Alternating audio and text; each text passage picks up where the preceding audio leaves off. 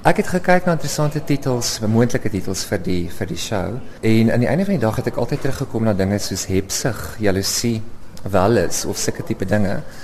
En die oorkoepelende tema vir my is actually desire of dan nou begeerlikheid of drif. Ek vind nie altyd dat die Afrikaans my so 'n goeie verklaring daarvan is nie. Maar ehm um, ja, ek dink begeerlikheid of menslike drif oor die algemeen. Ons gaan nou kyk na spesifiek van die werke. Dis interessant hoe hulle so ongelooflik goed by mekaar inpas. In die middel van die galery is daar 'n redelike dit is 'n ouerige werk van Jan van der Merwe, maar hy pas so goed in by hierdie uitstalling. Dis 'n um, 'n preekstoel wat hy gemaak het uit geroeste metaal uit. En vir my verskaf dit amper soet van 'n psigologiese en historiese konteks vir desire.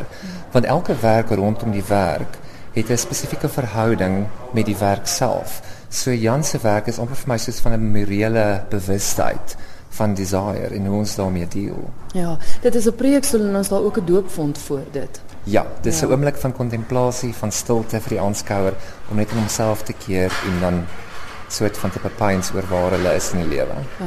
Nog 'n interessante werk hier en ek dink baie van die luisteraars sal vir mediese bande onthou. Sy was deel van die Woordfees vroeër vanjaar en ek is seker hulle sal onthou of hulle moes dit op nuus gesien het, daai ongelooflike groot pers installasie uitstalling wat wat deel was van die Woordfees. Daai selfde persfiguur is ook nou deel van haar werk hier.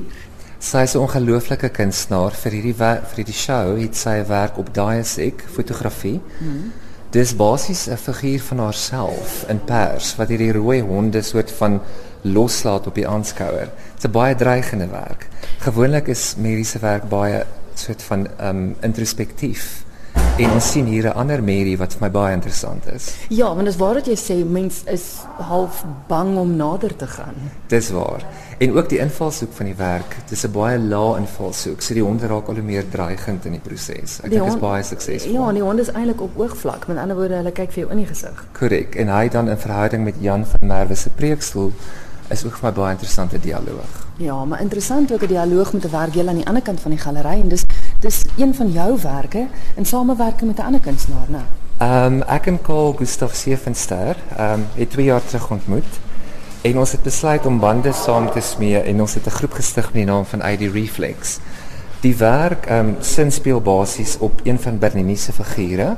Ek was vir 2 maande op 'n residensie gewees in Parys En eendag buite my uit te sien ek daar was 'n groepies van boemelaars wat buite gebly het. En op die bankie lê daar toe 'n um, dwelmverslaafde op die naad van sy rug. En ek het baie skuldig gevoel want ek wil die oomblik vasvang en ek het nie geweet hoe kom nie. En toe ek na die tyd dink hoekom ek dit gedoen het, het besef ek dit is 'n perfekte spieelbeeld van Bernini se 17de eeuse beeld van the ecstasy of St. Ludovica. Vir my gaan die werk oor um religieuse ekstase. En dan in die 21ste eeu het ons ander forme van ekstase wat baie keer dwelmspels of dalk miskien um pharmaceuticals. So en ons het boop die werk amper 1000 plus kristalle wat al 'n tinteling gee wat nogals konseptueel goed saamwerk met die proses. Ja, ek gaan vir die luisteraars sê dit is 'n speelbeeld die twee figure van mekaar. Hulle lê soos op 'n op 'n chaise die een kant die die historiese figuur en dan nou die man wat jy op die bankie afgeneem het. Beide met hulle arms half soort van in dieselfde posisie ook. Van daar dalk seker die korrelasie wat jy gemaak het. Almal wat dit sien dink dit is opgestel. Dit is jo. glad nie opgestel nie. Dit was 'n privaat oomblik. En vir een of ander rede het my brein net daai speelbeeld gemaak en dis waar Karl Gustav Sevenster inkom te sê ek vir hom hy het al die digitale kennis om hierdie dinge te laat verwesenlik en daar het ons besluit om saam te werk. So hierdie is letterlik ons eerste werk wat ons ooit geproduseer het. Seker baie duur werk as gevolg van die kristalle? As gevolg van die proses, ja. dis op daai sekens dis 'n baie reuse groot werk. Dis 2.4 meter lank. Ja, ongelooflik. Kom ons beweeg oor na die ander kant. Hier is 'n werk van Mandy Coppers Martin. Ek weet ek het haar die eerste keer ontmoet by Teresa Lismore se galery.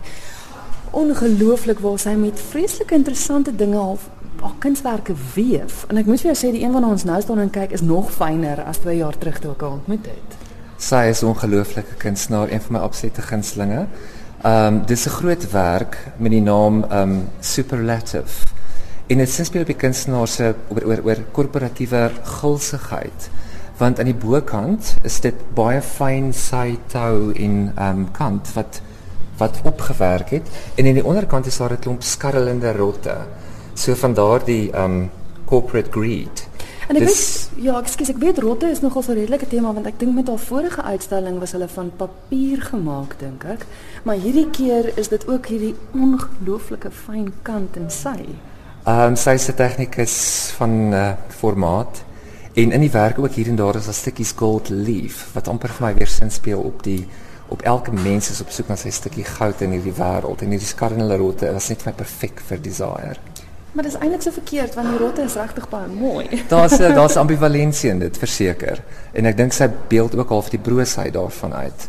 Ehm um, en van daardie ambivalensie. Ook die die oorlog tussen die mens en die natuur in die proses is baie sterk. Jy het 'n groot verskeidenheid, dis groot name. Hier's werk van Hanley Taute, hier's een van Diane Victor, ons het vir Gordon Frowdy. Bekende mense, maar tog het jy ook kunstenaars wat nie so algemeen is nie. Hier's twee werke hier agter van 'n kunstenaar wat baie interessant, die een het sy 'n vriendin van haar se rooi hare gebruik vir haar kunswerk. Die kunstenaar saam is Zelda Strout sy werk met ehm um, was in haar werk. Sy's 'n beeldhouer en sy's ook 'n 'n 'n jeweler. En ehm um, die een met die rooi serp is half asof is amper 'n fetish objek waar sy haar vriendin se rooi hare in die serp ingeweef het.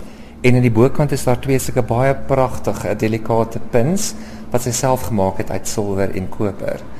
Aan die ander kant het sy 'n handsakkie waar daar sulke klein was Venus van Willendorf beeldjies in in gestop is in die handsak. En dis half daai ding van jy vat jou lyf saam met jou. Die die idee van die perfekte vroue beeld en hoe die media dit soort van vers, weet versinne beeld. Mm, mm. En sy sê nee, ek is 'n werklike mens. Ek ek het vet, ek het selluliet. Daar is hormone vervang uh, hormone replacement therapy en al hierdie goed werk sy in haar werk in. Ehm um, en dan nou die handsakkie wat jy saam met jou dra met al hierdie dinge. En interessant, die vryings van die handsakkie is eintlik Irene strokies waar jy Irene toets. Dis wat sy gebruik het Irene toets sy het daar ehm um, vet inhoud wat sy ehm um, gedurende haar Parys residency. Elke dag haar Irene monsters getoets en dit hang aan die onderkant om te kyk hoeveel vet sy gebruik het die dag. Hoekom moet mense die uitstalling kom sien? Ek dink dit is 'n uh, die hele idee van desire oor die algemeen kan baie platvloers uitgebeeld word. En wat vir my baie interessant is van die kunstenaars aan boord, dis intelligente werk. Dis men dit dit is dis dis werk wat wat regtig jou gedagtes prikkel en die die die aanskouer soort van uitdaag om ook hulle eie persepsies te verander in die proses. 'n Tweede ding wat vir my baie belangrik is, elke liewe mens wat ek gekies het vir die uitstalling beskik oor ongelooflike vakmanskap. Vir my is elkeen die top van hulle van hulle veld mm. en vir daai rede het ek besluit om hulle in te sluit. Tot wanneer is die uitstalling te sien? Die uitstalling is aan tot die 2 November en mense kan vanaf Dinsdag tot Saterdag weekliks kom kyk na die uitstalling.